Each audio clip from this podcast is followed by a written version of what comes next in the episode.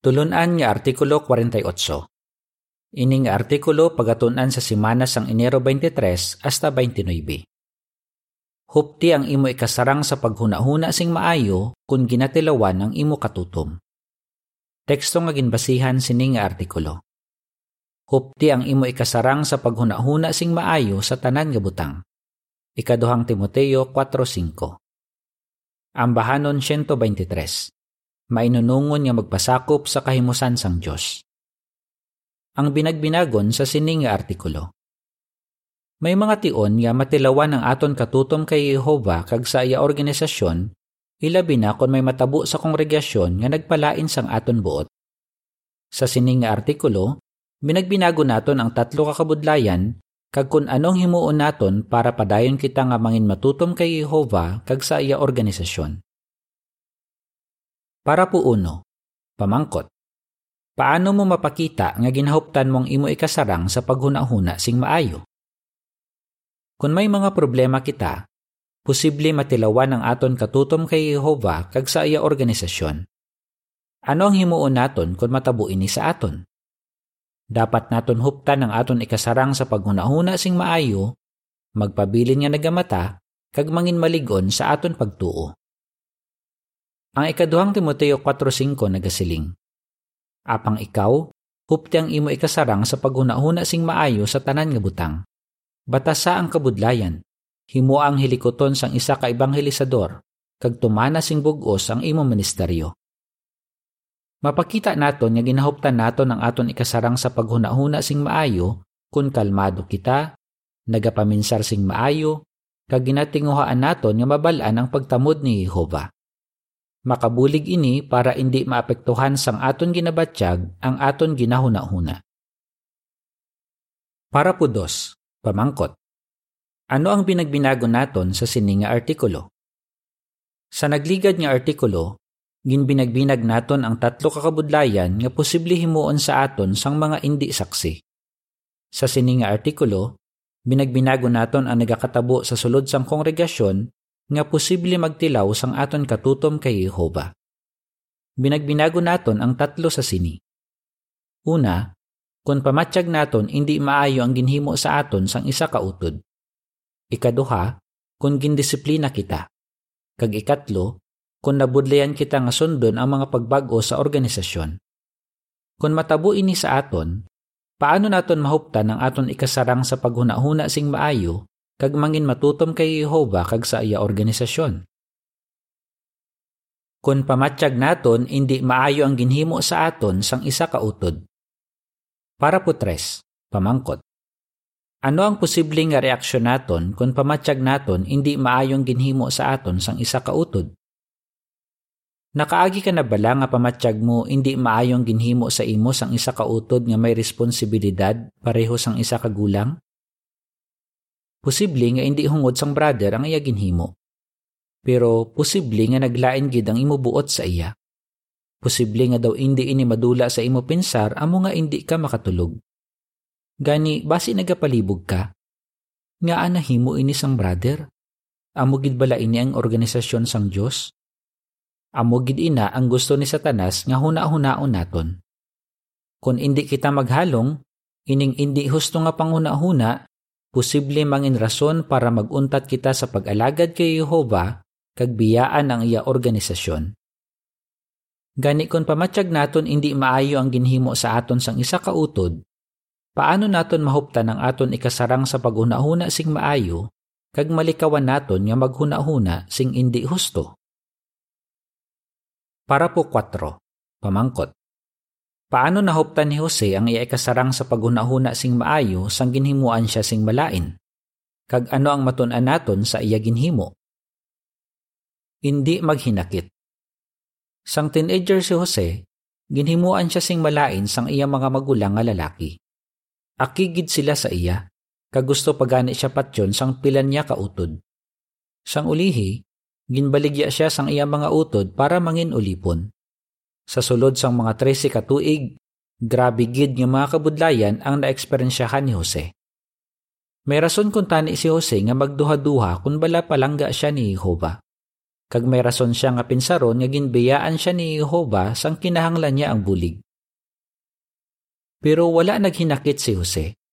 Sa baylo, nangin kalmado siya amo nga nahuptan niya ang iyay kasarang sa paghunahuna sing maayo. Sang may tsansa siya nga balusan ang iyang mga utod, wala niya ini ginhimo. Sa baylo, ginpakita niya nga palangga niya sila kag ginpatawad sila. Nahimo ini ni Jose kay nakapaminsar siya sing maayo. Imbis nga huna-hunaon ang iyang mga problema, ginhuna-huna niya kung ano ang gusto ni Jehova nga himuon niya. Ang Henesis 50:19 hasta 21 nagasiling. Nagsiling si Jose sa ila. Hindi kamo magkahadlok. Ako bala ang Diyos? Bisan pa gintuyo ninyo nga halitan ako, gintuyo sang Diyos nga mangin maayo ang resulta sini, agud luwason ang madamo nga katawhan, pareho sang ginahimo niya subong. Gani indi kamo magkahadlok. Padayon nga hatagan ko kamo sing kalanon, kag ang inyo magagmay nga mga kabataan. Ginpasalig sila ni Jose, kag nalugpayan sila. Ano ang matun-an naton? Kung ginhimuan ka sang malain, hindi ka dapat maghinakit kay Jehova o kung maghuna-huna nga ginbiyaan kaniya pamalandungi kung paano kanya ginbuligan nga mabatas ang imo problema. Dugang pa, kung ginhimuan kasing malain, tinguhai nga tabunan ini sang gugma. Para po singko, pamangkot. Paano nahuptan ni Mikiyas ang iakasarang sa paghunahuna sing maayo sang pamatyag niya hindi maayong ginhimo sa iya sang iban? Binagbinaga ang natabo kay Mikiyas nga isa kagulang sa South America. May tion nga nagbatyag siya nga hindi maayong ginhimo sa iya sang mga utod nga may responsibilidad. Nagsiling siya. Grabe gid ang akon stress kag kabalaka. Hindi ako makatulog kun gabi, kag pamatyag ko wala na ako sing mahimo amo nga nagahibi na lang ako. Pero ginhuptan ni Mikiyas ang iya kasarang sa paghunahuna sing maayo kag gintinghoan niya nga hindi magpaapekto sa iya ginabatyag. Permi siya nagapangamuyo kay Jehova nga hatagan siya sing balaan nga espiritu kag buligan siya nga makabatas. Nag-research man siya sa aton mga publikasyon sa mga impormasyon nga makabulig sa iya. Ano ang matun-an naton? Kung pamatyag mo hindi maayong ginhambal o kung ginhimo sa imo sang isa ka utod, mangin kalmado kag tinguhai nga hindi magpaapekto sa imo ginabatyag. Dumduma nga posible wala mo nahibaluan kung nga nahambal o kung nahimo ini sang utod. Gani, mga muyo kay Jehova. Kag pangabaya siya nga buligan ka nga mahangpan ang sitwasyon sang utod. Makabulig ini sa imo nga huna-hunaon nga base indi man hungod sang utod ang iya ginhambal o kung ginhimo, kag patawaron siya. Tandai nga kabalo si Jehova sang nagakatabo sa imo, kag buligan kanya nga makabatas kon gindisiplina kita. Para po size, pamangkot. Nga dapat naton huna-hunaon nga ginadisiplina kita ni Jehova kay palangga niya kita. Masakit gid kung disiplinahon kita. Pero hindi kita dapat mag-focus sa kasakit nga aton ginabatyag kay posible maghuna-huna kita nga hindi husto ang pagdisiplina sa aton. Bangod sini, posible nga hindi na naton paghuna-hunaon nga ginadisiplina kita kay palangga kita ni Jehova. Ang Hebreo 12.5 kag 6 nagasiling. Kagin kalimtan ninyo sing bugos ang laygay nga nagatawag sa inyo nga mga anak. Anak ko, hindi pagpakajutaya ang disiplina ni Jehova o kon magpangampo kon ginatadlong kaniya. Kay ang ginahigugma ni Jehova ginadisiplina niya. Ang matuod, ginalapdosan niya ang kada isa nga ginabaton niya subong anak. Ang bersikulo 11 nagasiling. Ang matuod, sa umpisa wala sing disiplina nga makalilipay, kundi masakit. Apang sa ulihi, nagapatubas ini sang mahidaiton nga bunga sang pagkamatarong sa mga nahana sa sini. Kag kun magpaapekto kita sa kasakit nga aton ginabatyag, hingalitan ini ni Satanas para paluyahon kita. Gusto niya nga hindi naton pagbatunon ang disiplina, kag amat-amat kita nga maguntat sa pag-alagad kay Jehova kag magpalayo sa kongregasyon. Kung gindisiplina ka, paano mo mahuptan ang imo ikasarang sa paghuna-huna sing maayo? Para po 7. Pamangkot sa A. Pareho sang makita sa picture, Paano gin pakamaayo ni Jehova si Pedro kay ginbato niya ang disiplina? Pamangkot sa B. Ano ang matunan mo sa ginhimo ni Pedro? Batuna ang disiplina kag maghimo sang mga pagbag-o. Pila ka beses nga gintadlong ni Hesus si Pedro sa atubangan sang iban nga apostoles.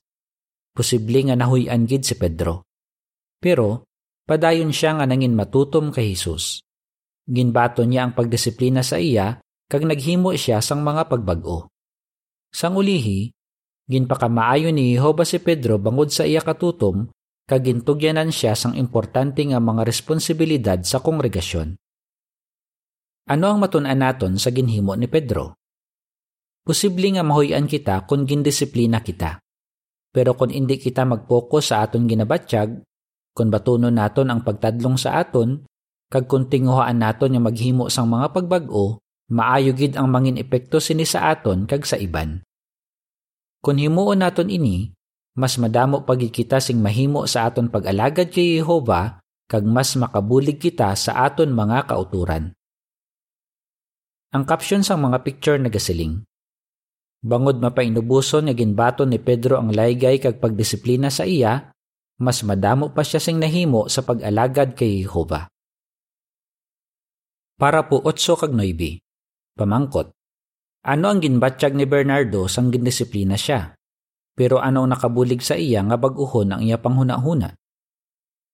Binagbinaga ang natabo kay Bernardo nga isa ka brother sa Mozambique. Ginkuha sa iya ang iya pribilehiyo bilang isa ka gulang. Ano ang ginbatsyag ni Bernardo? Nagsiling siya. Pamatsyag ko hindi gid husto ang pagdisiplina sa akon. Gani na aki gid ako. Nagalalain gid siya sa posible huna-hunaon sang mga kauturan parte sa iya. Nagsiling siya. Mga pilaman ka bulan antes ko na realisar nga husto ang pagdisiplina sa akon kag pagsalig liwat kay Jehova kag sa iya organisasyon. Ano ang nakabulig kay Bernardo? Ginbag-o ni Bernardo ang iya panghuna-huna. Nagsiling siya. Sanggulang pa ako, permi ko ginapaligon sa mga kauturan ang ginsiling sang Hebreo 12.7 nga dapat husto ang aton pagtamod sa pagdisiplina ni Jehova. Gani ginhuna-huna ko. Sino ang dapat mag-aplikar sini nga teksto? Ang tanan nga alagad ni Jehova pati ako.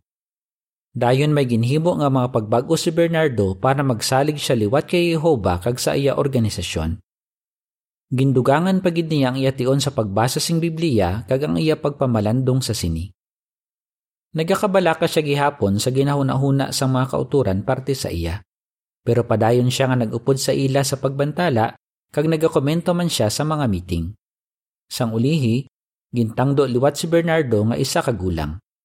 Pareho kay Bernardo, posible nga mahuyan ka kung gindisiplina ka. Pero imbes nga mag-focus sa imo ginabatsyag, dapat mo batunon ang laygay sa imo kag maghimo sang mga pagbag-o. Kung himuon mo ini, baka maayuhon kagid ni Jehova kay nangin matutom ka sa iya kag sa iya organisasyon. Kung nabudlayan kita nga sundon ang mga pagbag-o sa organisasyon. Para po Jis, pamangkot. Ano nga pagbag-o ang nagtilaw sa katutom sang pila ka Israelinhon nga mga lalaki? Posible matilawan ang aton katutom kung may mga pagbag-o sa organisasyon. Posible pagani ini mangin rason para maguntat kita sa pag-alagad kay Jehova. Halimbawa, binagbinaga ang natabo nga pagbag-o sang panahon sang mga Israelinhon. Antes ginhatag ni Jehova sa ila ang mosaikong kasuguan, ang mga ulo sang pamilya among nagahimo sang mga responsibilidad nga ginahimo sang mga saserdote. Sila ang nagahimo sing mga halaran kag sila ang nagahalad kay Jehova para sa ila pamilya. Pero sang ginpatuman na ang kasuguan, hindi na dapat paghimuon sang mga ulo sang pamilya ini nga mga responsibilidad. Nagtangdo si Jehova sang mga saserdote halin sa pamilya ni Aaron nga amo na ang magahalad. Sugod sadto, kung himuon sang isa ka ulo sang pamilya nga indi kaliwat ni Aaron ang mga responsibilidad sang mga saserdote, dapat siya patyon. Ang footnote nagasiling. Ginapatuman sang kasuguan nga kung gusto sang mga ulo sang pamilya nga mag-ihaw sang sapat kag kaunon ang karni, dapat nila inidalhon sa santuaryo. Pero kung malayo sa santuaryo ang ginaestaran sang pamilya, pwede nga hindi na ini paghimuon sang mga ulo sang pamilya. Balik sa para po. Posible ayhan nga ini nga pagbago amo ang rason kung nga nagrebelde kay Moises kag kay Aaron sanday Kora, Datan, Abiram kag ang 250 ka mga pangulo? Hindi kita makasigurado. Pero anuman ang ila rason, kabalo kita nga si Kora kag ang iya mga kaupod wala nangin matutom kay Jehova.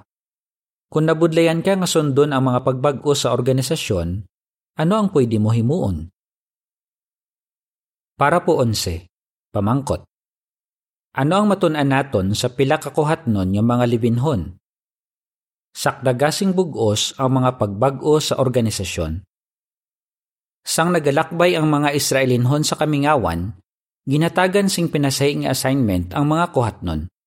Sa kada tion nga magsaylo sang kampo ang mga Israelinhon, ang pila sa mga kuhatnon amo ang nagadala sang kabansang katipan kag sila ang nagauna sa paglakat dalayawon gid ang ila pribilehiyo.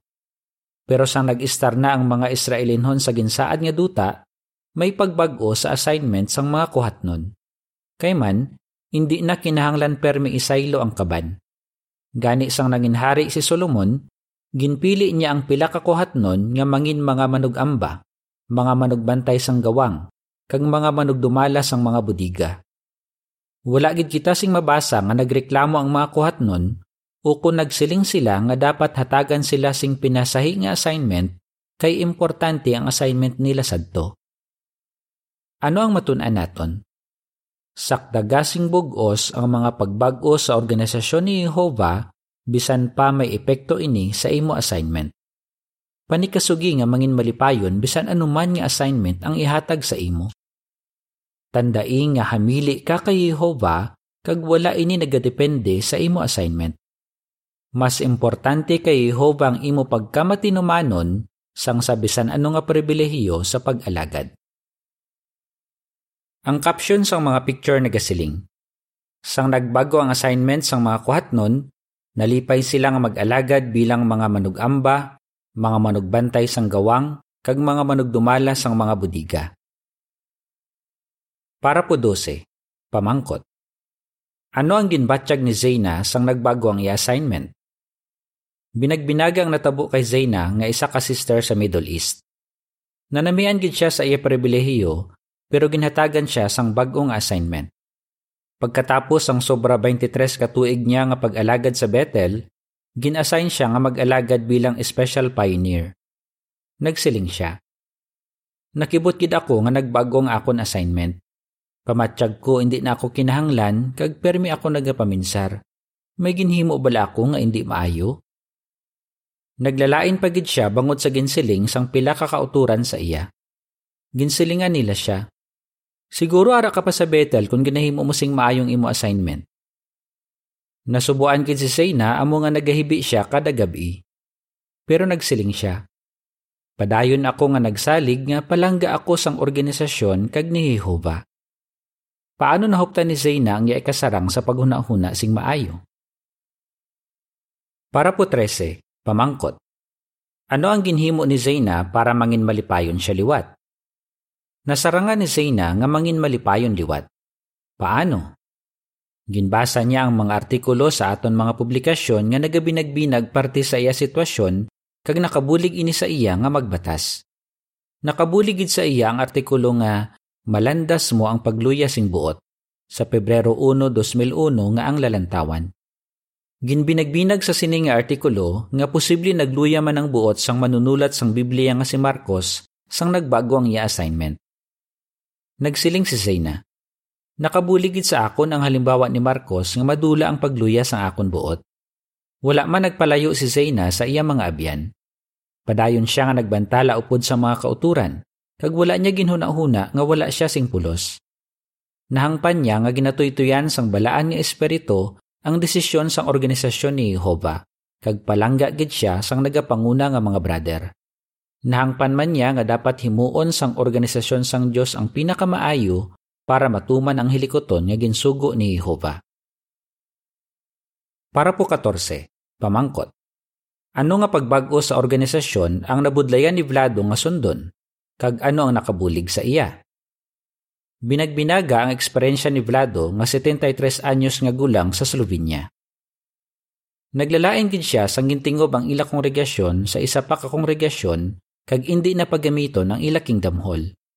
Nagsiling siya. Nagapalibog ako kung nga hindi na paggamiton ang kingdom hall kay katahom sini. Nasakitan gid ako kay bag-o lang namon ini gin-renovate. Bangod panday ako, ako ang naghimo sang pila ka bag-o nga mga gamit sa kingdom hall. Kag bangod gintingob kami sa iban nga kongregasyon, kinahanglan namon mag-adjust kag mabudlay gid ini para sa amon nga mga tigulang. Ano ang nakabulig kay Vlado nga sakdagon ini nga pagbag-o? Nagsiling siya. Ang pagsunod sa mga pagbago sa organisasyon ni Jehovah permi gid nagaresulta sa mga pagpakamaayo. Makabulig ini sa aton nga sundon ang dalagko nga mga pagbago sa ulihi. Nabudlayan ka ba lang nga sundon ang mga pagbago parte sa pagtingob sang mga kongregasyon o kon ang pagbago sang assignment? Nahang pa ni Jehovah ang imo ginabatyag.